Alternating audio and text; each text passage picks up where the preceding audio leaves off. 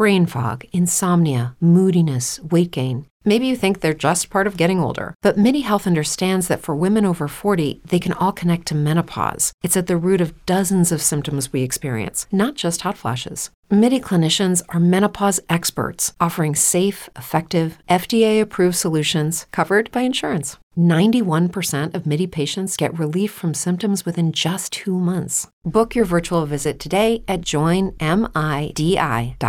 Judy was boring. Hello. Then Judy discovered ChumbaCasino.com. It's my little escape. Now Judy's the life of the party. Oh, baby, Mama's bringing home the bacon. Whoa, take it easy, Judy.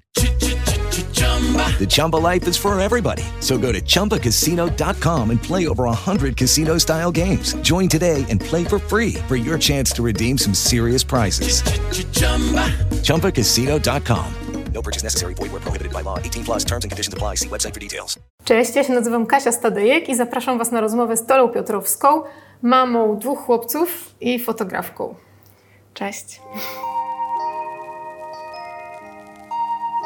No więc powiedz mi na początek, to jest takie pytanie tabloidowe.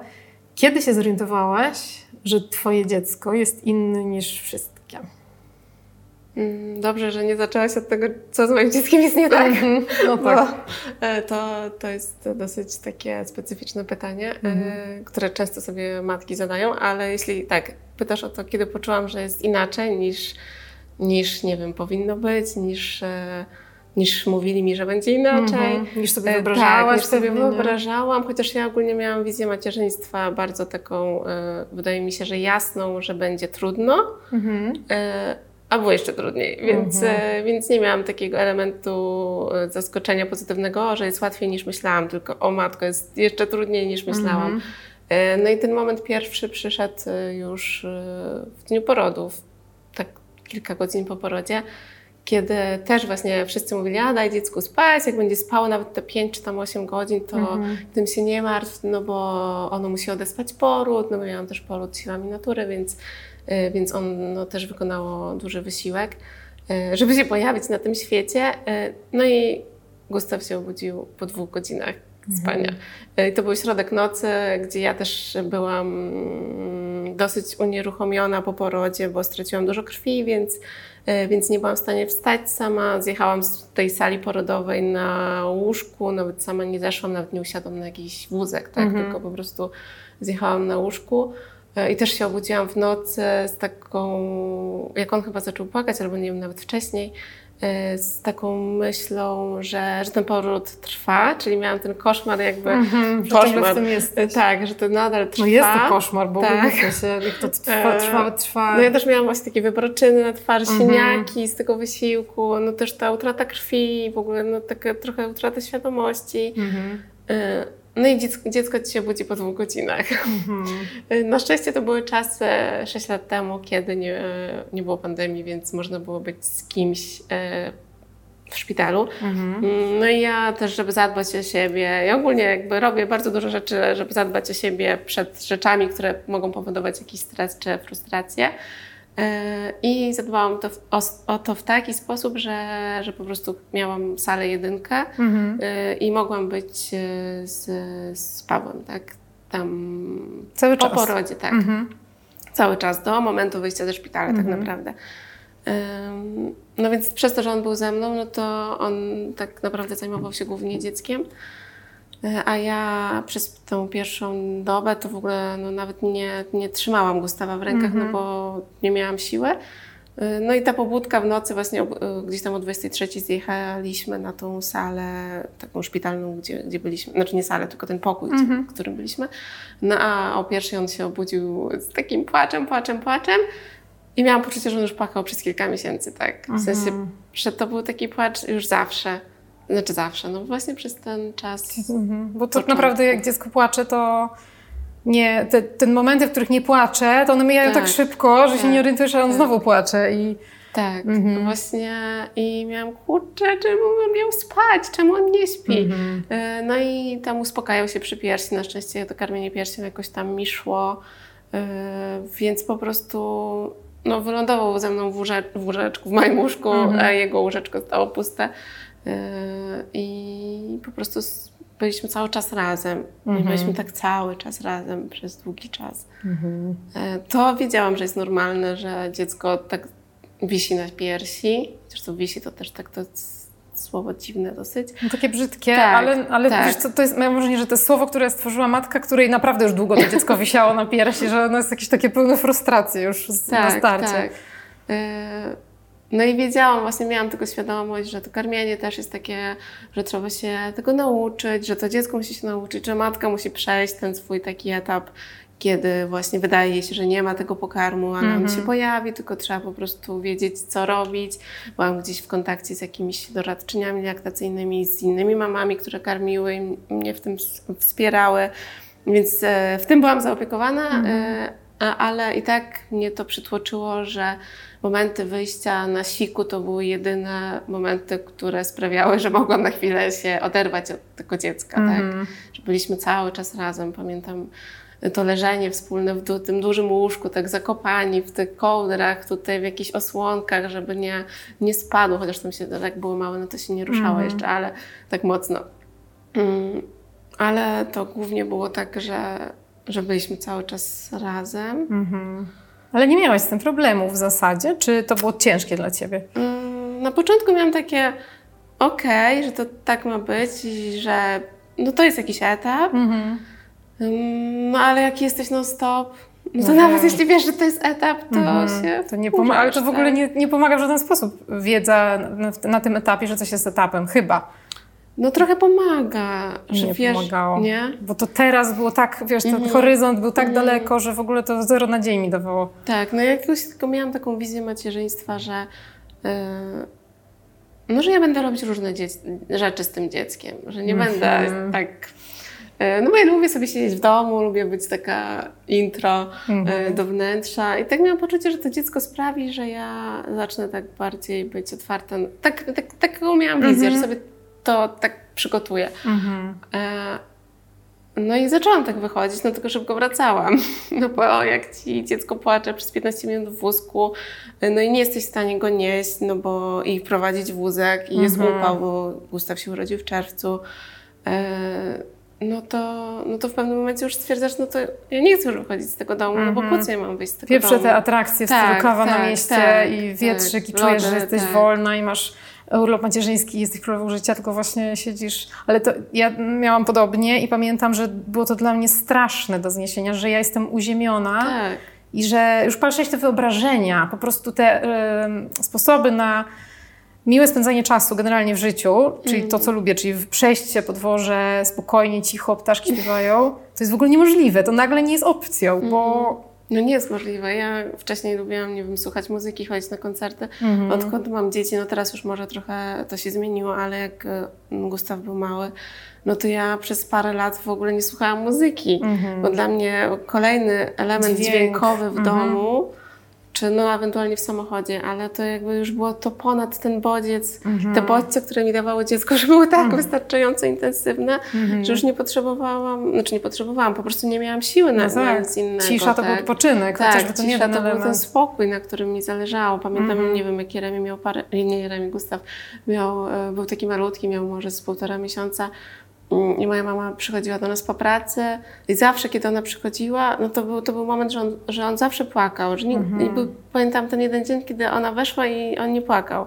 I mam takie, o, to, to dziś. Wiem, ja też To ten pamiętam, jeden moment, na cały miesiąc. Pamiętam takie te pojedyncze spacery, w, które, w wózku, które były spokojne i mam zdjęcia z każdego spaceru, e, takich pierwszych, bo potem już było lepiej, Tak. po roku, e, z, z każdego spaceru, na którym mój syn zasnął w wózku, że to były takie wydarzenia w naszym życiu i Tak, to prawda. To są wydarzenia, gdy właśnie masz takie dziecko, które ci nie zasypia w tym wózku, nawet nie chce w nim jeździć. E, No, jest to trudne i to jest wyzwanie, no zwłaszcza dla mamy, która ma pierwsze dziecko.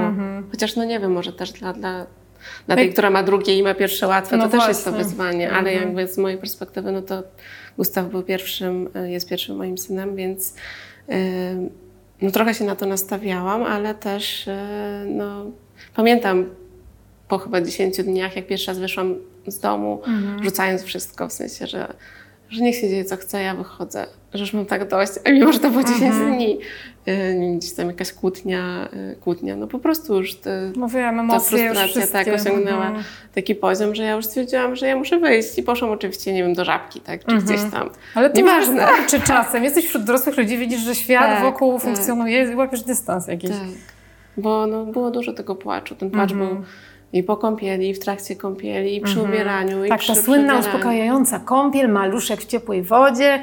U nas też Nie. były wrzaski. Ale to Nie. też czasami, bo różne są wiadomo przyczyny tego i też bardzo trudno jest do... Zwłaszcza jak się ma tak. pierwsze dziecko, y, pierwszy raz się z tym człowiek styka, jak w ogóle o co chodzi? Czy za ciepła woda, czy za Tak. zimna woda, czy pomoże pieluszka, czy nie wiem, śpi, jakby jest tyle sposobów na wyłączenie tego guzika z płaczem, a nie wiadomo I nigdy. żaden nie działa. Tak, i żaden nie działa, ale może zawsze wierzysz, że może jest gdzieś tam, może to jest trochę twoja wina, że jest gdzieś element, który by pomógł, ale no, czasem ja nawet nie da się szukać. poczucia winy chyba nie miałam. Nie? No to dobrze. Nie. Y, bardziej takie y, jakieś przekonanie, że, że mam po prostu wrażliwe dziecko, Mhm. które ten układ nerwowy ma bardzo wrażliwy i y, no, trochę właśnie tak jak mówisz, że ten, tobie nie pomagało te słowa, że coś minie. Mi to też, mnie to też czasami denerwowało, że to minie, e, ale jak już tak sobie myślałam, że nie wiem, że jest ten czwarty trymestr, tak, słynny, że to dziecko musi się przyzwyczaić do bycia po tej stronie brzucha, e, że właśnie niektóre dzieci są bardziej wrażliwe, czy bardziej właśnie reagują. No i mówię, dobra, no to ten pierwszy, czwarty trymestr, tak, poczekamy. No i potem się skończy. Skończył się czw- czwarty trymestr, zaczął się kolejny etap, no i niby trochę było lepiej, bo już to dziecko trochę czai i ogarnia i się gdzieś tam patrzy, zabawki jakieś wchodzą w grę, E, no ale i tak jest trudno. Później jak usiądzie, no to jak usiądzie, no to już może ma trochę większą taką mm, perspektywę, czy widzenia, czy tego, że może coś, nie wiem, zjeść. I kontrolę tak, też taką, tak. w sensie on coś może robić, ono, to, Tak. to dziecko może coś robić Tak, ze tak, światem. że też będzie lepiej. Później, że zacznie się przemieszczać, pełzać. No i też może dojść tam, gdzie chce, nie trzeba go nosić. E, No i tak doszliśmy do roku, że już tam będzie chodzić, no i to też kolejny etap. Czyli co, ty sama się pocieszałaś, że jak zacznie no tak, chodzić, ja czekałam to na będzie lepiej. taki Mhm. etap, że Ale to też jest nie ciekawe, cieszyłam bo- się z tego, co jest, tylko tak, że, że dobra, za chwilę będzie siedział, no to będzie, lepiej. tak. Mhm. Bo czasami to też idzie w drugą stronę, że dzieci spokojne, rodzice dzieci spokojnych słyszą, a poczekaj, jak zacznie Mhm. chodzić, to dopiero ci zacznie tam ziemię z doniczek wy, wyrzucać. Więc generalnie to do, takie, mm, może No faktycznie to jest to tak zakodowane, że są te tak. etapy, w których jest jakość, ale zaraz się wszystko odmieni. Tak. No. Chociaż no to też takie straszenie, że nie wiem, ktoś tam znajomy przychodził z dwulatkiem, jak Mhm. Gustaw był mały i mówił, no was też to czeka, tak? No w sensie, że Do czego to służy jakby? Komu to pomaga? zresztą tej osobie, co to A. mówi, to Mhm. pomaga, że żeby może mieć jakieś poczucie, że nie wiem, że nie jest sama w tym, tylko inni też tak będą Mhm. Albo, że mieli. ci, co mają łatwiej, o ile tak można powiedzieć w tej sytuacji, i tak kiedyś będą mieli przesrane, że tak, więc że lepiej wszyscy ogólnie tak. mają mieć przesalane. Tak, tak, żeby było porówno. To jest jakby to. Mm, no tak.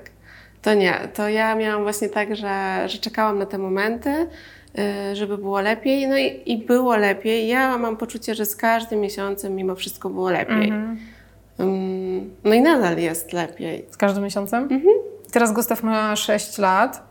6 lat. No teraz już bardziej w latach się liczy niż. No, No bo jednak to jest tak mhm. wydaje, że ten czas na początku, jak to dziecko jest mało, to się intensywnie rozwija. No a teraz jakby to tak bardziej jako pięciolatek był taki, jako sześciolatek jest taki.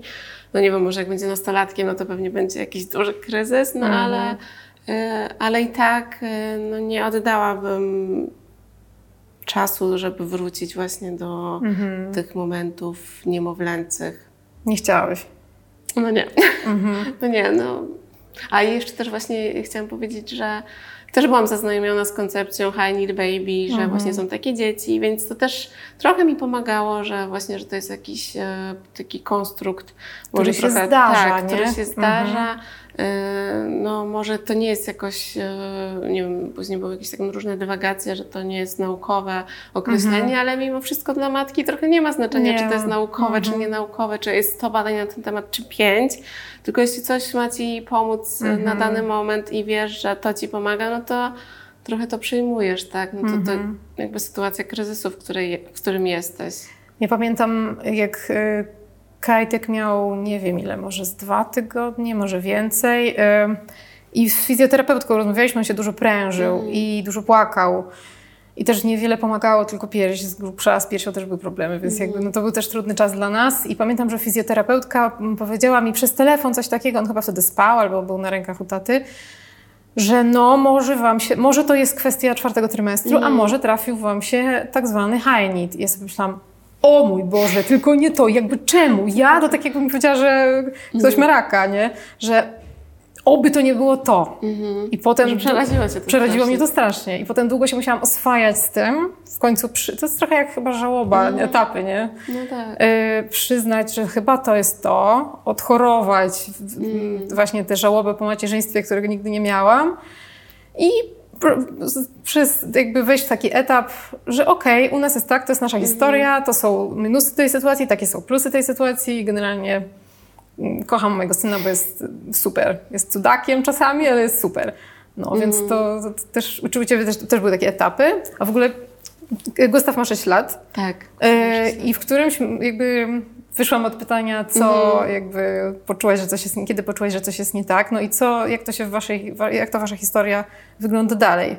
Wy poszliście do, po diagnozę. Mhm. Y, Poszliśmy do diagnozy, gdy Gustaw miał 3 lata. Mhm. Mm, Też około roku, jak miał, to mieliśmy jakąś konsultację właśnie taką sensor, z diagnozy sensorycznej. Mhm, integracji nie, nie diagnozy, sensorycznej. tak, integracji sensorycznej. Y, I też dziewczyna, która ją robiła, miała doświadczenie z dziećmi z autyzmem. Mm, i Ona nie dała takich sygnałów, że, że to w tę stronę może pójść. Mhm. Mm, Była nadwrażliwość na dotyk, nadwrażliwość właśnie słuchowa głównie, ale no Gustaw, no, Gustaw uwielbiał i nadal uwielbia nawiązywać kontakt z dorosłymi. Dla niego y, kontakt jeden na jeden, gdy ktoś dorosły mu y, z nim właśnie rozmawia, czy poświęca mu uwagę, y, to jest najlepsze. Tak? No jak ja widzę, jak on, nie wiem, się zachowuje, jak jest, nie wiem, z moim bratem, czy z moją mamą, czy z, no wiadomo, że to też jest rodzina, tak? ale mimo wszystko osoby dorosłe, a w momencie, kiedy ma rówieśników, to, no to tak jakby oni mogliby nie istnieć. E, No to jest tak teraz. A mm, jeśli chodzi o diagnozę, którą zrobiliśmy... co cię skłoniło do tego, żeby jednak pójść e, o krok dalej i Mm. to martwienie się, czy smutek, że tak jest jak jest, jakby gdzieś da- dalej poprowadzić? Po pierwszym roku ja doszłam do, y, do takiego momentu, że wróciłam na terapię właśnie, żeby móc sobie y, radzić e, z- ze sobą, tak, z tym, co ja odczuwam. Y, Po półtora roku zaczęłam brać leki, mm, bo już po prostu sama terapia nie wystarczała i yy, no no było mi po prostu ciężko, tak? To wtedy się ua- uaktywniła ta depresja poporodowa, która gdzieś tam przez te miesiące takiego czekania, czy, że będzie lepiej, yy, była cały czas taka nadzieja, no i, i było lepiej, ale mimo wszystko te trudności były i zastanawiałam się, co się musi wydarzyć, żeby faktycznie poczuć, że jest różnica. I przez ten moment tak naprawdę, jak miał Gustaw półtora roku, mm, to później miał dwa latka, to to etap takiego teoretycznie buntu, chociaż u nas ten bunt był od urodzenia, więc, więc ja Nie nie zauważyłam tego tak, tak jak nie wiem teraz w przypadku Jeremiego, gdzie ja widzę ten bunt, bunt tak zwany. E, więc e, jak miał dwa lata, to pamiętam, że jak byliśmy też w Portugalii u znajomych, to mówiłam właśnie, że, e, że kurczę, że muszę chyba spróbować diagnozą Gustawa, żeby mieć właśnie pewność albo niepewność, żeby to zakończyć niepewność, że, e, no, to że jest coś się dzieje. Tak. to jest takie pytanie, które sobie chyba wiele mam, mam zadaje. Czy to jest normalne? Czy Tak. to się mieści w jakiejś granicy normy szeroko pojętej, czy, czy nie? Wydaje mi się, że nie trzeba też mieć e, Mm. bardzo trudnego dziecka, żeby tak myśleć. I to jest jakaś taka pułapka, bo jedno, z jednej strony jesteś pełna lęku, że to jest Tak. coś konkretnego, a z drugiej strony chciałabyś wiedzieć, co to jest, żeby tak. I to- mieć czarno na białym. I też są, mam wrażenie, że dwa takie bieguny, że z jednej strony mm, właśnie ktoś ci mówi, że, y, że jest jakaś norma, no i jak to dziecko jest poza tą normą, no to że już coś się dzieje, tak, do sprawdzenia. A drugi biegun jest taki, że że spokojnie, że, że norma jest szeroka, znaczy mimo, że to jest jakaś tam norma, no ale dzieci rozwijają się różnie, jedne szybciej, drugie wolniej, y, więc nie ma co się przejmować. Y, No i ja trochę byłam w tym drugim, miejscu, kiedy miałam właśnie takie poczucie, że a, że dobra, może wyrośnie, jest indywidualistą, y, robi rzeczy po swojemu, mm, no ale jeszcze czeka nas na przyszłość, tak? Mm, I trochę przez to może nie to, że bagatelizowałam ten, y, jakieś problemy, no bo nie, tylko bardziej, że jakby czekałam jeszcze, dobra, jeszcze chwilę, jeszcze chwilę i to sprawdzę. Ym, no i w końcu, jak miał właśnie te dwa i pół roku, to zrobiliśmy najpierw diagnozę SI. Z- Ona e, sprawiła, że, że, że Gustaw zaczął terapię e, właśnie sensoryczną. No i tam był też taki punkt, że e, do ewentualnej diagnozy w spektrum. Tylko, że tak jakby na razie sprawdźmy, czy to działa, tak? Czy w sensie, co się dzieje, jak on chodzi na tą terapię. Więc to tak było, że za kolejne pół roku zobaczymy, tak? No i E, Później pojawiła się, znaczy no, przyszła pandemia, więc to było pomiędzy tym 2,5 a 3 i utknęliśmy w domu, więc też e, I nie mieliście tych zajęć? nie, nie mieliśmy tych zajęć. Nie mieliśmy tych zajęć, e, nikt nie wiedział, czy można robić te zajęcia, czy, czy, czy właśnie, czy, czy, no, czy, czy lepiej nie. No, placówki się zamykały, otwierały, to się po prostu, to było jakieś szaleństwo. E, I też wtedy Gustaw miał w czerwcu skończyć 3 lata i miałam tak, taką myśl, że biorąc pod uwagę, że jest ta pandemia, że e, no, tam te adaptacje takie były wtedy wstrzymywane, że to, nie wiem, rodzic nie może być z dzieckiem w wielu miejscach. E, I miałam takie poczucie, że on nie pójdzie do przedszkola w tym, od tego września, że to nie jest dla niego czas. On potrzebuje mieć takiego wsparcie przy, przy adaptacji, e, które no, może no, nie wszystkie dzieci tego potrzebują, żeby rodzic tak po kolei, pomału z nim wchodził i to nie trwa tydzień, jak to jest najczęściej, czy tam trzy dni czasem, no tylko myślę, że kilka miesięcy. Więc jaka placówka byłaby w stanie się na to zgodzić w czasach pandemii? No nie. I ja poczułam, że jeśli on nie pójdzie do przedszkola, to ja mam teraz rok na to, żeby go wzmocnić w tym, y, z czym on ma problem. Mm, No, czyli jakaś tam regulacja emocji, y, to właśnie te nadwrażliwości, które gdzieś zaczęliśmy terapię, ale no ona była taka y, wyszarpywana pomiędzy okresami pandemii. Bardziej, y, że możesz wychodzić z domu, a później no nie możesz jednak wychodzić z domu, albo musisz mieć maseczkę, no i też terapeuta z maseczką z dzieckiem, to, to nie jest najlepszy zestaw. Y, Mm, No więc ja po prostu przez te wakacje, y, lipiec, sierpień, y, stanęłam na głowie.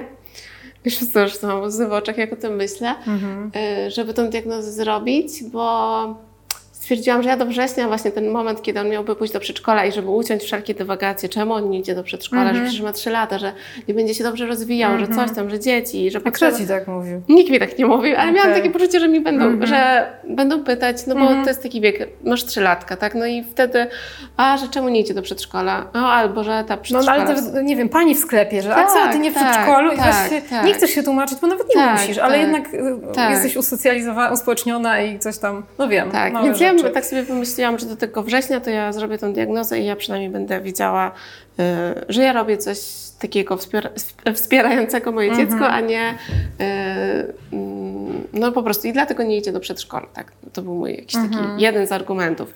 No i tak jak sobie myślałam o tym, no to ja już po prostu wiedziałam, tak? Ja wtedy już wiedziałam, że to, że to się potwierdzi.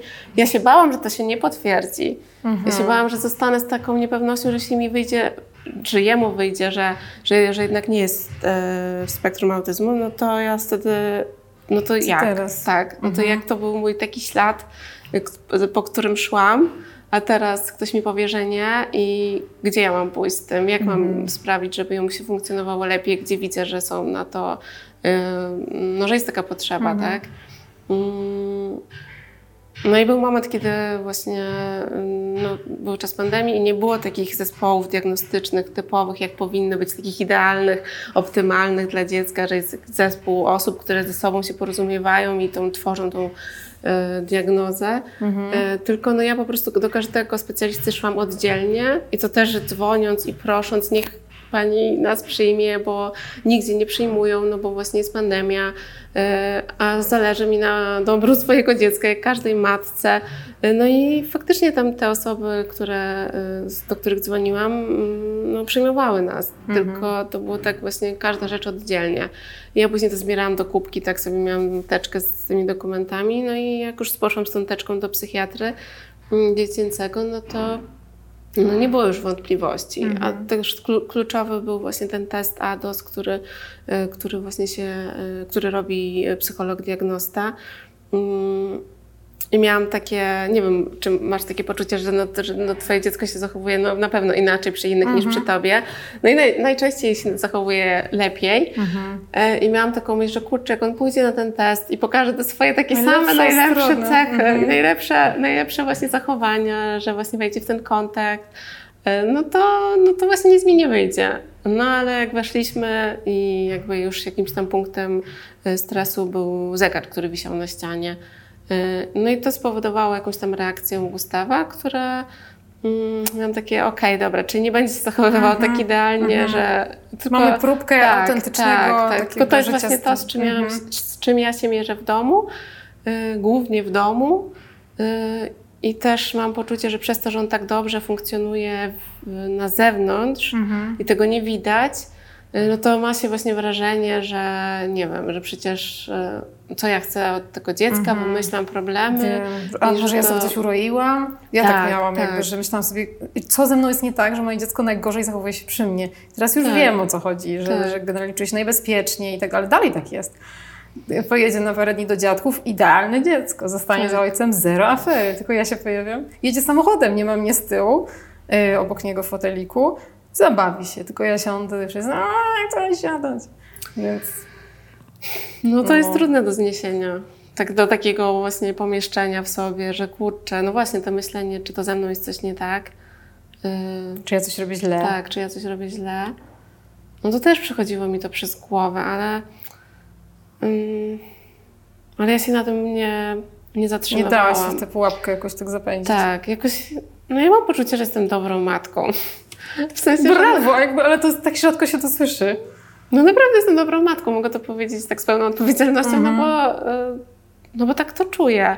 Y, I ja robię no, wszystko, co mogę, żeby, żeby właśnie no, moje dzieci się czuły dobrze. No wiadomo, Mhm. jestem człowiekiem, się denerwuję, złoszczę, mieszczę w sobie różne emocje i ich, i swoje, czasem ich nie mieszczę. Mhm. I wtedy wychodzą na zewnątrz, no to później przepraszam i y, daję znać, przytulam. No, każda mama chyba, znaczy może nie każda mama, ale każda mama by chciała yy, no, dać wszystko co najlepsze dzieciom. I takie myślenie, że, mm, że ze mną jest coś nie tak jako mamą, no to bardzo burzy takie poczucie tożsamości wewnątrz, że jednak kurczę, nie dajesz wszystkiego tego, co byś chciała, no, a nie da się dać też wszystkiego. Nie da się dać wszystkiego i jednocześnie zadbać o siebie Tak. też czasami. Gustaw jak wraca do domu, no to to jest ten moment takiej tranzycji, ja to nazywam po prostu jakiś, że on przechodzi, wchodzi i od razu jest tak, nie wiesz, czy wejdzie i zacznie Czekasz, krzy- tak. tak Mhm. krzyczeć, tak, czy zacznie płakać, czy zacznie się witać normalnie, tak. czy się ucieszy.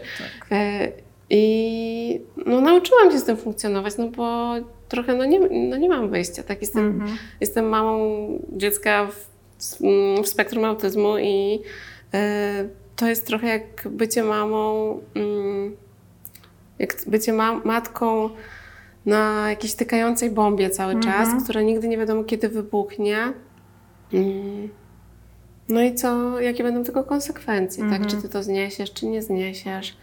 E, No jest to trudne. Właśnie ta nieprzewidywalność jest, chyba najgorsza e, w tym zespole Aspergera, mm, no bo już teraz się tego nie, tak nie e, klasyfikuje, ale e, jednak e, to, że to dziecko może się zachowywać w różny sposób, e, no i nigdy nie wiesz, co je odpali, co sprawi, że, że właśnie będzie ta górka taka, mm, poziom po prostu jakiś totalnie wystrzelenia się w kosmos. Mm. No wiadomo, że każde dziecko może się też wystrzelić w kosmos, tak, się zdenerwować i, i różne są reakcje. No tylko to też jest często tak jakimiś etapami, że masz taki etap gorszy, Tak. i później masz etap lepszy.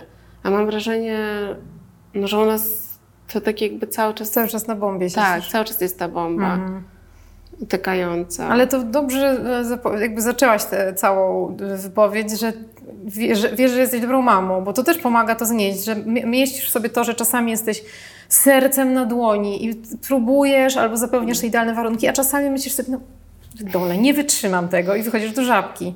No, ja wychodzę czasem do żabki. wychodzę czasem do żabki i właśnie.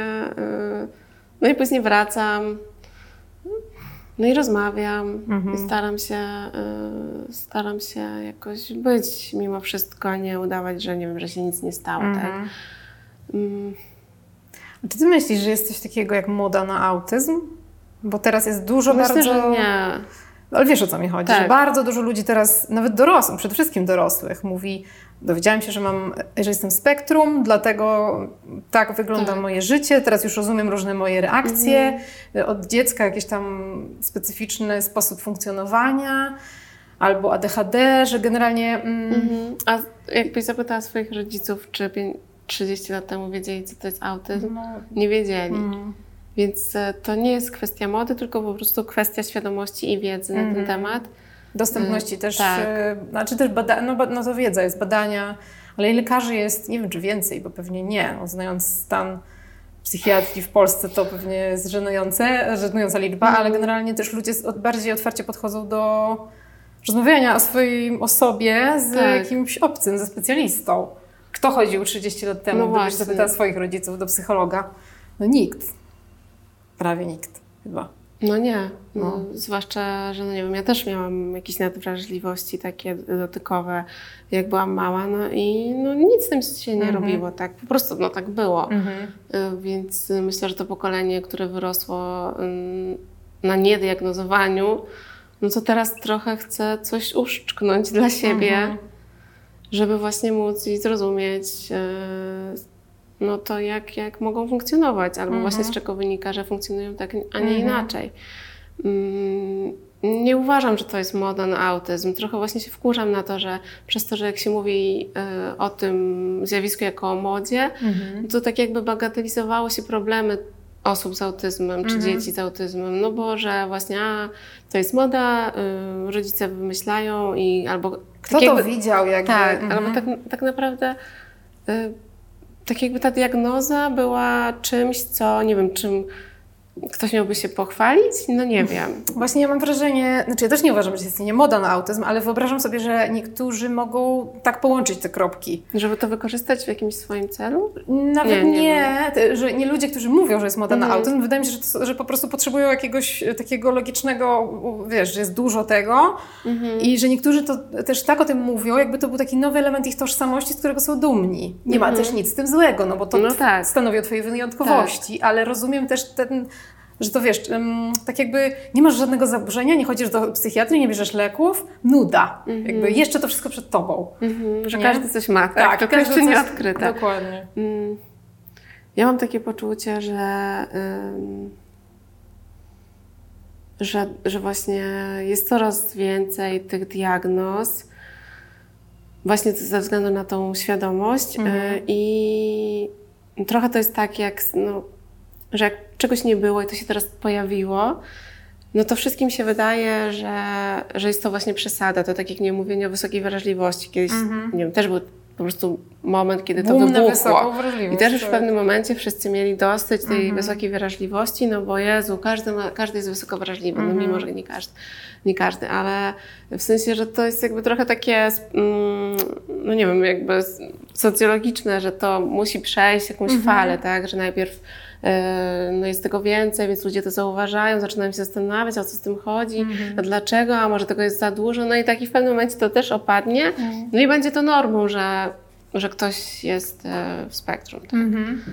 I no nie będzie już wtedy mówi, mówiło się, że jest moda, no tylko będzie się mówiło, nie wiem, że jest moda na coś innego. No, tak jak też była kiedyś swego czasu moda na DHD, tak? Tak, ale ta moda chyba wróciła w którymś momencie, ale to wszystko się No dzieje w social media. tak, to jest... tak, to właśnie to niby wszystko wraca, to jest, no ale to są tylko jakieś takie, no nie wiem, nasz, nasz, nasza percepcja To jest tego, taka że, banieczka tak, jednak, nie? Że tak. siedzi, jak się siedzi na social mediach, to się widzi ciągle to i można to tak zinterpretować. Ym, Ja się cieszę, że jest coraz więcej diagnoz, bo sobie myślę, że jest więcej dzieci czy więcej osób, które moje dziecko, z którymi Mhm. może, nie wiem, nawiązać jakąś nawet taką symboliczną więź, że nie, on nie jest tym sam. No, to No bo prawda. jak sobie pomyślisz, że nie wiem, już jak nie wiem, taki siedmiolatek czy ośmiolatek y, jest już w szkole, no i widzi, że inne dzieci zachowują się inaczej, Mhm. że nie wiem, że on ma jakieś inne y, y, potrzeby i on nie wie, z czego to wynika, Mhm. no to co o sobie myśli? A jak wie, z czego wynika, ale jest sam, to też wydaje mi się, że to wiedza do końca nie pomaga takiemu małemu dziecku. Nie? Takiego, takiemu w szkole? No bo i tak czuje się wyrzutkiem, czuje się inny i czuje się no to dziwny. też od tego ma rodziców. Tak, ale wiesz, ja nadal te, tam nie wiem ile się siedzi w szkole, od 8 do której? 13? Takie małe? Tak, ale No. dlatego właśnie do tego dążę, że, Mhm. że żeby pójść do tej szkoły, no to jest tak naprawdę no, kilka lat tych przedszkolnych, a Mhm. jednak objawy autyzmu obja- e, pojawiają się no, tak przed tym trzecim rokiem życia Mhm. najczęściej. E, Więc jest sporo tego czasu, żeby to zauważyć i Mhm. żeby zacząć pracować z dzieckiem, e, ze sobą, jako Mhm. rodzicem, co ja mogę zrobić, żeby właśnie je wesprzeć. E, No i to powoduje, że może właśnie jak już pójdzie do tej szkoły, przynajmniej ja, ja mam taką nadzieję, Mhm. no to właśnie nawet jeśli będzie się czuł inny, no bo pewnie będzie się czuł inny, to... Bo też nie trzeba, umówmy się, nie trzeba być w spektrum, żeby się czuć innym, Tak. bo to połowa pewnie się czuje no inna. tak, no właśnie. Mhm. No chociaż też jak masz, e, nie masz problemu z takimi kontaktami społecznymi, że nawiązujesz Mhm. relacje z innymi dziećmi, że nie wiem, tworzą się jakieś grupki, że te dzieci bawią się ze sobą, czy właśnie siedzą No razem tak, na przerwie. to jednak taki Tak, e, no nawet na placu zabaw ja widzę, jak te dzieci w wieku Gustawa, no to one tam latają po tych krzakach, Mhm. e, coś tam się umawiają, jakieś mają wspólne zabawy. e, No u nas tego nie ma. Mhm. U nas jest po prostu zabawa jeden na jeden i mm, no i to da się zauważyć. Wcześniej, myślę. No właśnie ten aspekt, zwłaszcza społeczny, jak, e, jak dziecko no już tak przekracza te trzylatka i no może już nie chodzi o to, że on ma się bawić z innymi dziećmi zawsze i wszędzie i po prostu w, w zgodzie i dzielić się zabawkami, no bo nie, tylko bardziej po prostu o sam fakt tego nawiązywania kontaktu, na jakiej zasadzie to się dzieje, czy to jest właśnie takie, taka łatwość, czy, czy właśnie jest dużo w tym trudności, albo no nie wiem, tak jak Gustaw w ogóle omijał placy zabaw, jak był mały, jak miał te 3 lata, bo no, dla niego po prostu obecność dzieci na placu zabaw to było nie do przejścia. Mhm. Za dużo się Musieliśmy działo, pójść tak na za ten dużo. plac zabaw w momencie, kiedy nie było nikogo. No to jak ten kontakt społeczny nawiązać? No nie da się. No i to właśnie jest tak, że wiem, że czasami jest tak, że nie chce się zauważyć tych trudności, no, że jest trudno je w ogóle nazwać, że właśnie się czeka, żeby, żeby to samo minęło. No tylko jakoś ja mam poczucie, że jeśli sobie nie dasz takiego jakiegoś buforu, bufora, buforu czas, czasu, że jeśli to nie minie, nie wiem, za rok, czy no to dlaczego mm, nie wiem, właśnie nie pójść po wsparcie do kogoś z zewnątrz, nie zapytać się, co może być powodem tego, że tak jest. Żeby właśnie lepiej zrozumieć swoje dziecko. Ja nie, rob- na przykład ja nie zrobiłam diagnozy po to właśnie, żeby mieć tą diagnozę, bo ta diagnoza mi daje nie wiadomo co. No, ona mi daje ulgę dla mnie. Że ja mam, dla mnie diagnoza to jest ulga, to jest to, że, że ja nie muszę y, właśnie już się zastanawiać. Oczywiście zastanawiam się nad innymi rzeczami, ale nawet no, ten etap niepewności, y, właśnie, że czy ten rozwój przebiega prawidłowo, czy, no, że, czy możemy coś zrobić, żeby było lepiej, no to ta, ta diagnoza mi to dała. No i Gustawowi przez to też wsparcie. A w momencie, w którym ty dostałaś diagnozę, Gustaw dostał, dostał diagnozę, to mniej więcej się pokryło w czasie z tym, że dowiedziałaś się, że jesteś w drugiej ciąży. Tak. No nie była to niespodzianka Tak, dla mój ciebie. mąż e, stwierdził, że to że on po prostu nie, jakoś nie, nie mógł tego przetrawić, kiedy e, wreszcie się nie otrząsnął z diagnozy, a już, jest, e, już jestem w ciąży kolejnej, czy kolejnej. E, ale tak, na etap starań o drugie dziecko trwało pół roku, więc e, no tak mniej więcej chyba tak jak Gustaw miał, Czyli wy zaczęliście diagnozę i starania o drugie dziecko mniej więcej jednocześnie. tak. Mhm. Jak się podejmuje taką decyzję, y, że mm, o drugim dziecku, mając tak trudne doświadczenia z pierwszym? Jak to się robi? Jak ty to zrobiłaś? No właśnie przychodzi taki moment, kiedy to dziecko jest trzylatkiem i jest łatwiej i sobie myślisz, już zapominasz o tym, jak było trudno, już wybierasz jakieś rzeczy, które się działy, których nie mogłaś znieść. E, trochę tęsknisz za takim Mhm. momentem bobasowym, za przytuleniem takiego małego kurczaka. E, no i robisz sobie miejsce po prostu Mhm. w tym brzuchu i w życiu i wszędzie, że jeśli jakiekolwiek będzie to drugie dziecko, no to ty je przyjmiesz. Mhm, bo już Bo- wiesz, jak przyjąć trudno, Tak. trudności. Tak. No, łatwości. A to... też, no niestety, jak się ma jedno dziecko z spektrum autyzmu, no to jest Mhm. szansa duża, że to drugie też może być. Mhm. Więc z takim poczuciem zachodzenie w ciążę, no nie jest to może takie proste, żeby Mhm. t- to mm, pomieścić w sobie, ale mm, jakoś tak bo ja poczułam, że, no, że, że damy radę, Mhm. jakkolwiek będzie. Y, Ale może nie jakkolwiek, no bo właśnie to też jest trochę to, o czym mówiłam na początku, że ja się zawsze przygotowywuję do, na tyle, ile mogę do rzeczy, które mogą być trudne. Mhm. No i zadbałam o to, żeby y, Paweł był ze mną w domu przez ten pierwszy rok. On wziął urlop y, tacierzyński, tak jakby ja zrezygnowałam ze swojego, mając swoją działalność, więc ja po prostu pracowałam mm, z doskoku, raz na tydzień wchodziłam na sesję. Mhm. Mm, My tak naprawdę byliśmy razem w domu, żeby właśnie nie być znowu samą z niemowlakiem. Bo to jest takie wspomnienie chyba. I też wydaje mi się, tak patrząc na taki barometr uczuć na Instagramie, że to jest coś, co bardzo dopieka bardzo wielu mamom. Bycie Tak. samej w domu z niemowlakiem i to, że dni wloką się niesamowicie. Ty w którymś momencie napisałaś coś, nie wiem kiedy to było, czy to było Mhm. już po czasie, czy to było kiedy Gustaw był mały, ale że czeka się jak na zbawienie ten moment, na ten moment, kiedy partner Tak. wraca do domu i myślisz sobie, oddychasz wtedy. Tak, Dobra, tak. przetrwałam. Tak, a najgorzej jeszcze jak ci napiszę w międzyczasie, że nie wiem, się spóźni. Przez Nawet te 15 minut, to już po prostu te 15 minut to jest wieczność. Tak, to Bo już prawda. rozlokowałaś w sobie te siły, żeby Tak, przetrwać do tej dokładnie. 17 czy którejś. I każda minuta już dłużej, to już po prostu sprawia, że już no nie, nie dasz rady. I już jesteś na takim stand-by, Tak, to dziecko tak, tak, tak, naprawdę już ci jest tak. wszystko jedno. Jak on wchodzi i... i... Tak. No i ono nie chce pójść później. O, W sensie do rodzica No, drugiego, tak, to tak. też. E, No ale tak, no, no to bycie samemu to jest jedna z najgorszych zmór współczesnego macierzyństwa. Mhm. No bo no nie masz tak naprawdę za, za dużo wsparcia, tak? No bo Mhm. jak masz te kole, koleżanki, które mają dzieci, no to żeby się z nimi zgadać na, Mhm. nawet na to wyjście na spacer, no to musisz jakoś mieć mniej, mniej więcej podobne pory drzemek. Tak, tak, Podobne em, też trochę temperamentalnie te dzieci, e, no bo jak Mhm. Spotykasz się... A no, jeśli nie, to przynajmniej jedna z Was musi być bardziej ugodowa, żeby dostosować Tak, się do tej, tak, która ma trudniej. tak. I też No albo też nie, no nie jest w stanie właśnie czasami zrozumieć, że ty mo- nie możesz wyjść z domu o tej porze. No jak to nie ubierzesz dziecka i nie wyjdziesz? No nie, no nie wyjdę. Nie wsadzę go do wózka, bo się drze jak opętany.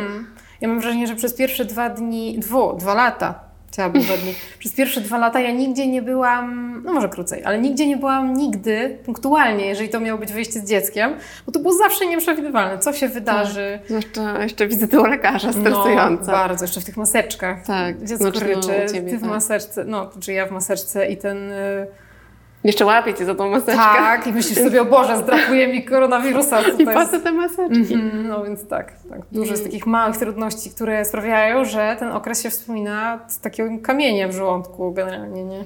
Tak, a później zaczynasz to widzieć trochę jak za mgłą taką. Tak. I myślisz sobie, jak wspaniale było Tak. siedzieć i tak spacerować, nawet jakby to się nie udawało, to No jest... mi się nie udawało siedzieć na ławeczce No i wiem, czytać. masz na pewno jakieś z pierwszego roku y, takie wspomnienia, które, mm, nawet jeśli one są pojedyncze, Mhm. to które tak Cię ładują nostalgią. Chociażby to trzymanie mojego kurczaczka, tego tak pod pupkę się trzyma, ja mam taką główkę, jest taki mały, słodki, ciepły. Tak, chociaż mam tego mało. Ja też mam tego mało. Mam tego bardzo mało Mhm. i jak sobie o tym myślę, to bardziej, może teraz o tym mm, jakoś tak wspomniałam, no bo już po, po tym, że Jeremi taki Mhm. był takim właśnie kurczaczkiem słodkim, e, ale tak ogólnie to marzyłam, żeby urodzić od razu roczne dziecko, Mhm. żeby pominąć właśnie te etapy takie noszenia non-stop. Chociaż teraz też noszę. Mhm. E, Ale no tak, no bo Gustaw e, no, też on w ogóle nie leżał praktycznie, no tylko po prostu cały czas na rękach i to Mhm. tak, że nie na rękach stoisz i siedzisz, tylko na rękach chodzisz. Chodzisz, tak. E, czyli drugie macierzyństwo wynagrodziło. To już było takie macierzyństwo jak z obrazka, ten początek, prawda? Mm, jak z obrazka może nie. Mhm. Nie. Tak z obrazka się tak naprawdę nie zdarza, Nie ale, zdarza ale, ale było radosne. Wynagrodziło ci sporo i to był taki prezent chyba trochę. Czy nawet interpretuję pewne rzeczy? Mm, Nie, nie było tak. Ale może dlatego, że mm, trochę miałam podobny moment na końcówce ciąży, co z Gustawem, że, że Gustaw, miałam więcej wód i Gustaw się kręcił i obracał i ja nie wiedziałam, czy będę szła na to cięcie, czy szłam na cięcie, to mi mówili, że jest głową w dół, więc e, wracałam do domu. Później znowu szłam na drugie cięcie, gdzie już myśli, że urodzi, urodzi się to dziecko. No i, nadal on był, na przykład znowu był głową w dół i tak co pół dnia zmieniał pozycję i żeby wycelować w to, że masz cięcie i jest poprzecznie, albo wycelować w to, że masz y, głową w dół i możesz rodzić, no to było po prostu jakiś, jakiś hardcore. No i okazało się, że z Jeremiem jest tak samo. Ja miałam już wtedy taką myśl na, tą na tej końcówce ciąży, Jezu, to będzie powtórka z rozrywki. Że ja, jak ja to przeżyję, że czemu ja jestem w tej ciąży, że niech mi ktoś w ogóle... y, ja nie chcę urodzić, co mogę zrobić, żeby się wycofać z tego? No i naprawdę miałam takie myśli. No wierzę. No, no, i, no i był faktycznie taki trochę bardzo podobny scenariusz, że jednak szłam do szpitala, miałam ten balonik, później tą oksytocynę. Mm, No więc trochę tak jakby ta powtórka z rozrywki sobie wtedy myślisz, czy to będzie tak szło cały czas. No i w momencie, kiedy właśnie dostałam Jeremiego e, na piersi, e, to miałam takie poczucie, y, że, że, to jest, że to jest inne dziecko, że to nie będzie tak samo, że no okej, może będzie trudno, ale no, to będzie inaczej. I, No i i, było. to, I było, tak. Co prawda, no, przez to, że też Jeremi jest tak obciążony takimi bardzo fizjologicznymi rzeczami y, drobnymi, które teoretycznie nic y, złego nie robią, znaczy no, nic złego nie robią, Mm, ale musieliśmy je cały czas kontrolować przez pierwszy rok, y, więc... y, I stresu jakby ci, wam nie brakowało. tak, Mhm. to z Gustawem było dużo takiego stresu e, związanego z emocjami, a tutaj było bardziej z takiego stresu z, e, z fizjologią, że tak powiem. Więc e, emocjonalnie było łatwiej, ale e, było bardzo trudno właśnie co chwila słyszeć od lekarzy, no to do kontroli, do kontroli, tak co miesiąc albo co półtora i nerki do kontroli i nie wiem, jakieś e, USG przedsiemiączkowe i takie, i siakie. E, I proszę przyjść za trzy miesiące, no bo to dziecko jest małe, więc ono się rozwija w taki sposób, no szybko, tak, więc trzeba po prostu kontrolować co sześć tygodni niektóre rzeczy. Y, No, więc to nie było takie bardzo łatwe, no ale przez to, że byliśmy też e, we dwoje, y, że jeździliśmy we dwoje, mimo że była pandemia, no to jednak no ja nie, ja nie odpuszczałam tego, po prostu wchodziłam z moim mężem i z moim dzieckiem i no i, i to się działo, nikt nas nie wyganiał. Mm, No więc to było, y, to było na pewno takie trudne, ale sam fakt, że nawet przez te pierwsze trzy miesiące ten maluch spał w tym koszu Mojżesza i nawet ten Gustaw tam lata, mi się- latał i się bawił i krzyczał, czy- znaczy krzyczał, no biegał, po prostu się bawił, był, był sobą, to on sobie spał i sobie myślałam, okej, to już jest to, co mi wynagradza, w sensie to też nie chodzi o to, żeby tak bardzo rekompensować sobie tym drugim dzieckiem ten czas pierwszego macierzyństwa, no bo no to są po prostu dwójka różnych dzieci, które trzeba zaopiekować oddzielnie, a nie, że jedno ma być, nie wiem, właśnie takim lekarstwem, czy nie wiem, Plasterkiem, tak, plasterkiem na to, że kiedyś było trudno. No nie. Mm, Ale tę radość tych momentów, pamiętam. tak, taki- tak, tego było dużo. Zresztą to był nasz wspólny spacer. Tak. Jeden z takich pierwszych, no może nie pierwszych, ale taki e, spacer, gdzie nasze dwójka naszych dzieci spała w wózkach. Jakkolwiek Tak. to brzmi abstrakcyjnie dla mam, dla większości mam, to dla mnie to był jakiś taki krok milowy. I to jeszcze my przyjechaliśmy. W ogóle te, gdzieś e, napotkałam na Instagramie na takie, taką tabliczkę anglojęzyczną, e, ale o tych krokach milowych, że podkreślamy te kroki milowe u dzieci, że tutaj siedzi, tutaj coś. A kto mówi, jakby czemu nikt nie mówi o krokach milowych w rodzicielstwie? I to tak do mnie bardzo, bardzo we mnie uderzyło, bo, no bo to, takie rzeczy się pamięta. Pamiętam na Tak, ja przykład też swoją pamiętam pierwszą przeprawę, raz tak, spacer, ale też naszą pierwszą przeprawę z kajtkiem przez most, bo Mm. my mieszkamy jakby po jednej Mhm. stronie, centrum jest po drugiej. I czułam się taka dumna, taka dumna, że to się udało, że jakby co, No tak. z drugiej strony, co się mogło nie udać? No pewnie coś by się mogło, że wrzeszczące dziecko, które niosę przez most, ob- obok Tak, tiry jeżdżą, Ale to, to jest takie budujące jakieś, że przechodzisz ten etap, albo że wsiadasz do tego autobusu, tarabanisz się i gdzieś dojeżdżasz, dokonałaś tego. No tak, no to, to są małe rzeczy, ale one robią w głowie bardzo dużą Tak. zmianę. Tak. E, tak, ja mam tak właśnie, jak siadam do samochodu i nie wiem, jadę z Jeremim, Mhm. a wiem, że on przez długi czas nie lubi jeździć i ktoś musiał siedzieć z tyłu zawsze z nim, a ja z nim jadę sama i tam coś do niego mówię i on daje radę i my dojeżdżamy właśnie na Mhm. To miejsce. też jesteś dumna, nie? Tak, no to też jestem dumna. I powiedzmy sobie szczerze, można, to może by jakby należą się brawa za każdy taki No tak. mały sukcesik, no bo z tego się składa życie. No, za porażki pewnie sobie większość matek pałuje się same, że, że o, tu nie dam rady, o, tu krzyknęłam, a nie chciałam, a za Mhm. sukcesy się mało, która pewnie jakoś tam nagradza. No raczej rzadko widzimy te sukcesy w sobie. Mhm. No. Jakby to pytanie o drugie dziecko Mhm. też jest trochę o tym, jak się zdobyć na odwagę.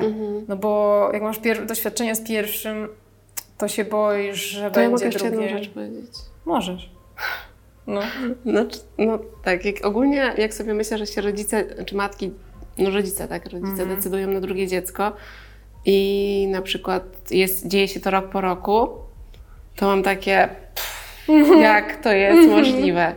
Dlatego no, u nas jest różnica wieku 4 lata, no, czyli tak mm, Gustaw miał już skończone 3, jak ja zaszłam w ciążę. Mm, No więc minęły te 3 lata. No, to jak, jak mnie pytasz, jak się zdecydować na drugie, no to jakby poczekać Albo to przyjdzie, określoną albo to... ilość czasu, Mhm. która sprawi, że może poczujesz, że chcesz jeszcze mieć jedno dziecko. I poczujesz, że to jest na tyle pewne w tobie, nie? Tak, że Że- masz taką pewność właśnie, że to, że je przyjmiesz. Mhm. No bo nie wiesz, jakie będzie. Możesz się zastanawiać, czy będzie taki, tak samo trudne, czy może być właśnie, może będzie łatwiejsze, bo przecież mam je wynagrodzić. No ale w sensie to, to jest, bardzo też mit taki, no, tak? Że, nie. że no bo to dziecko ci nie wynagrodzi, tylko po prostu no, będzie inne. Mhm. Ale jakie? No nie masz na to wpływu. No, ma, ma, na- ma na, mają na to wpływ jakieś geny, ale, No ale z grubsza nie masz. no, ale z grubsza no, nie masz na to wpływu. A jeszcze tyle dodatkowych rzeczy się może... Tak. To jest właśnie w mojej głowie, że tyle dodatkowych rzeczy może się nie udać. To może nie być tylko dziecko o specyficznym charakterze, ale też przecież te wszystkie choroby. No, jeszcze- można się tego bać. No, tylko pytanie właśnie, czy, co ten lęk ci robi i czy Mhm. ty chcesz z nim powalczyć i jakoś po, posprawdzać, czy to jest to, y, co możesz y, zmienić, żeby właśnie móc sobie pójść tą drogą no, znowu bycia mamą dla kogoś, dla, in, dla, dla nowego Mhm. Dla dziecka kogoś jeszcze, innego. tak. No. A dla Ciebie macierzyństwo też było jakimś... Bo Ty jesteś fotografką i to zdjęcia robisz od dawna. Mhm. E, Ale macierzyństwo i te takie przygody wszystkie Cię gdzieś tak y, popchnęły w inną stronę też. Były o, mm, nawet nie okazją, bo to nie jest dobre słowo, Mhm. tylko bo, um, bodźcem? Jakie to Bodźcem, słowo? Tak. No, Bodźcem ale takim tak bodźcem negatywnym w zasadzie. Bo, Nie, bo, nie? negatywnym? No bo to, co chcę powiedzieć, znaczy ty wiesz, co ja chcę powiedzieć, że macierzyństwo sprawiło, że obrałaś, Mhm. że, takiego wróciłam na rozszerzyło twoją perfek- per, percepcję troszeczkę pewnych rzeczy. Że tak generalnie się dzieje, że macierzyństwo poszerza Tak. i nagle się orientujesz, że w jakąś inną stronę chcesz może iść albo y, zajmować Tak. się czymś innym. Mhm. Mhm. Ja doszłam do takiego momentu. Y, W ogóle to jest śmieszne, bo ja jak zrobiłam absolutorium z psychologii tak parę, parę dobrych lat temu, to w momencie... W, Przed dziećmi. Tak, przed dziećmi. I kiedy urodziłam y, i nie obroniłam, znaczy nie napisałam pracy i się nie obroniłam, bo wtedy stwierdziłam, że, że, że i tak nie będę psychologiem ani psychoterapeutą, no bo się za bardzo przejmuję innymi osobami i że nie będę umiała tego jakoś mm, połączyć. E, A no też zaczęłam pracować w jakichś redakcjach, więc wtedy po prostu samoistnie się to wygasiło. Że nie miałam takiej potrzeby kończyć tych studiów. A że zawsze wszystko, nie wiem, miałam na piątki i szóstki i lubiłam, znaczy nie lubiłam, po prostu byłam wzorową uczennicą, to stwierdziłam, a nie będę, a nie skończę tego. W sensie, że takie, nogą. po co mi to? No i, i, i to zostawiłam. No i jak się Gustaw urodził, to dostałam maila z uczelni przypominającego, że a czy bym nie chciała na przykład skończyć, wrócić na studia i dokończyć. E, I wtedy miałam takie, o nie, nie, nie, w sensie, że no gdzie z tym dzieckiem, które po prostu ledwo mm, nie jestem w stanie w ogóle go odłożyć. No i, mm, I to, y, no zostawiłam to tak po prostu. No później miałam te różne doświadczenia macierzyńskie z Gustawem, kwestia właśnie diagnozy, y, takiego samorozwoju, y, dowiadywania się, co ja mogę z tym zrobić, właśnie jak wesprzeć, wesprzeć siebie i dziecko, Mhm. mm, chodzenia na różne kursy. y, No i to tak mi otworzyło drogę, tak sobie pomyślałam, że kurczę, że skoro ja mm, potrafię przyjąć moje dziecko, to czemu nie, mia- nie potrafiłabym przyjąć innych klientów czy pacjentów, tak? Y, I, I w momencie, kiedy się urodził Jeremi, dostałam maila z uczelni. Co, jak oni to zaplanowali? Nie wiem, może co, lampka co się pięć tam lat, im nie wiem, co cztery, Jak jakoś tak, tak. I to było właśnie, to jest śmieszne. I ja miałam takie, hmm, czemu nie? Czy to znak? Znaczy ja już o tym myślałam wcześniej, tylko Mhm. miałam takie, Boże, ja będę za stara, przecież nie wiem, jak ja skończę, no, najpierw tutaj się obronię, później y, zrobię szkołę psychoterapii i to będzie, nie wiem, będę po 40 w ogóle, Mhm. Po co bo to? ludzie po 40 się nie rozwijają. No Mhm. rozwijają się. I miałam tak właśnie taką myśl, że przecież Jeremi y, i tak będzie rósł. I Mhm. Gustaw, znaczy no już tak bardziej w kontekście Jeremiego, że on jest malutki. I że ja za dwa lata, kiedy on będzie miał dwa lata, to już skończę te studia. Mhm. No i teraz miałam te dwa lata. Mm, No i cieszę się, że wróciłam właśnie, też cofnęłam się na czwarty rok, żeby przejść dodatkową ścieżkę, taką kliniczną, y, że no, to jest właśnie trochę moja, trochę taka pokorna droga i Mhm. może nie jakaś najprostsza i najłatwiejsza, no ale też w zgodzie ze mną, że ja po prostu chciałam mieć jakiś taki background y, kliniczny, mm, żeby móc y, się obronić właśnie z psychologii klinicznej i, i później tak działać. Więc jakby Mhm. wróciłam na te studia, teraz y, mm, no właśnie będę się bronić, więc, więc to był ten rozwój, który y, ja nie podjęłabym się tego, gdyby nie dzieci. Mhm. No bo bym pewnie sobie myślała, że właśnie po Na co co mi to tak, tak, nie jest mi to potrzebne, Mhm. rozwijam się w inny sposób. A tutaj no, trochę byłam też pod ścianą, no bo musiałam się e, nauczyć funkcjonować jako mama dziecka w spektrum, no i no, no, musiałam zrobić jakieś rzeczy w tym Mhm. kierunku, które, e, no, które, które trochę utorowały mi tą drogę do tej psychologii znowu. Mhm. No i się poczułam w tym dobrze też. Ale czy to jest jakaś twoja odskocznia? Da się takiego słowa użyć Mm. do tego? Że czujesz, że robisz coś dla siebie? Znaczy, no czujesz, bo robisz, ale Tak. to jest dla ciebie odskocznia? Studia i ta nowa kariera, którą... Odskocznia? Nie wiem, czy odskocznia. Bardziej chyba po prostu, no to jest jakaś taka ścieżka w moim życiu. Mhm.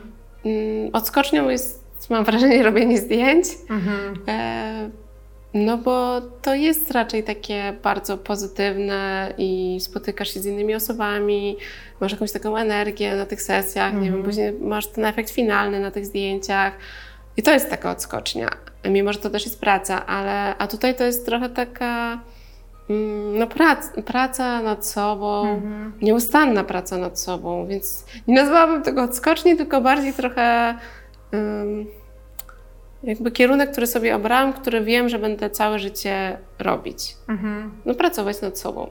Będę już zawsze. No bo się nie da nie pracować nad Brzmi jak sobą. dociążenie plecaczka trochę jeszcze bardziej, ale z Mm. drugiej strony to... Nie, Nie? dociążenie plecaka nie, bo yy, no mój plecak by, był ciężki, jak nie wiedziałam o różnych rzeczach. Mhm. A jak ja wiem o różnych rzeczach, to, mój, to, to jest mi łatwiej. Wyrzucam Mhm. te kamienie. A to wiem, dobra, to wypadł. W sensie, że to jest, sprawia mi e, taką e, no, satysfakcję, że sobie, że się czegoś dowiaduję i mi to ułatwia życie, a nie przeszkadza. Mhm. No No, tak. wiadomo, że jest tak, że im więcej wiem, to tym, Czasem jednak Tak, gorzej. to tym nie wiem. Mhm. E, No i to też właśnie jest trochę o tym, że ja no nie mam takiej pewności, znaczy no nie będę miała tej pewności i nie chcę mieć tej pewności, że dokładnie wiem, co, a bo twoje dziecko to jest takie, to na pewno ma spektrum albo Mhm. takie czy siakie. No nie, no nie, w sensie zresztą ja nawet nie, nie, nie chcę pracować e, jako no, osoba, jako psycholog dziecięcy, bo to nie ta ścieżka, ale w sensie, że no, uczę się tego, że im bardziej, więcej wiem, tym nie wiem. No i to mi sprawia satysfakcję, że mogę sobie w tej niewiedzy pobyć i posprawdzać. I to jest właśnie dla mnie psychologia, że, że jestem w czymś, co, co mi daje taki rozwój osobisty i, i też wpływa na innych. W mojej rodzinie głównie. No właśnie. Ale to wyrzucanie kamieni to jakoś też do mnie przemawia, że faktycznie przestajesz się czymś tak martwić, w sensie tak coś cię przestaje nurtować, tylko już jak to wiesz, to wsadasz tę Tak, książkę na tak, półeczkę tak, tak. i masz taki Idziesz taką, dalej. Idziesz dalej, no. I to jest chyba taka rada, którą można dać generalnie y, wszystkim, każdej matce, no pewnie każdej, że jak coś cię trapi i to cię trapi tak Mm. mm, ciągle, gdzieś tam jest z tobą jakiś lęk, tak? Tak. Pani, przyszła Pani psycholog, co Pani Nie, zaleca? ja to w ogóle sprawdzić Nie, ja jestem, i jestem zaufać intuicji, tak ja, bym... ja mam takie poczucie, tak, zaufać Mhm. intuicji to na pewno, e, no bo to ty wiesz najlepiej, co się dzieje. Mimo, że nie wiesz tak obiektywnie, Mhm, to czujesz. no to czuję, że, e, że właśnie jest jakaś trudność, albo właśnie, że ty z czymś sobie nie radzisz, z jakimiś różnymi rzeczami. Mhm. E, No dla mnie to, że możesz się zwrócić o pomoc do specjalisty, no to jest taki zasób. Mhm. To nie jest jakiś e, Wstyd. Tak, no wstyd. Też w mojej bańce już trochę nie ma tego No tak. wstydu, ale no wiem, że jest. Mhm. No, istnieje E, Polska poza bańką, nie? Tak. A też e, no, są różne sposoby radzenia sobie, tak? No i to tak jak mówisz właśnie, żeby mm, co może zrobić mama? No może się skupić na tym, żeby to jakoś rozwiązać, Mhm. tę sytuację. No nie da się rozwiązać problemu spektrum autyzmu, no bo Mhm. nie, nagle nie rozwiążesz supełka i stwierdzisz, o już nie ma. Mhm. Ono będzie zawsze. Ale no, możesz robić jakieś takie rzeczy, które ci pomogą to yy, yy, no, funkcjonować No, w tym. Zakodować. Tak, no możesz też uciekać od tego. Mhm. No i to już to pytanie, czy, co ci daje ta ucieczka. Mm, To już temat na kolej. W sensie można tylu rzeczy uciekać w macierzyństwie. tak, jakby- no, znaczy no też jest to sposób na radzenie sobie, no, Mhm. tylko no, Czy- czasem czy później po prostu tak, się gdzieś tam wychodzi, że jednak mm, no, pewne rzeczy nadasą. Mhm. Nie ucieknie się od nich. Dobra, stawiam kropkę. Bardzo Ci dziękuję za rozmowę. Wam dziękuję za oglądanie i zapraszam do kolejnego odcinka. Dziękujemy.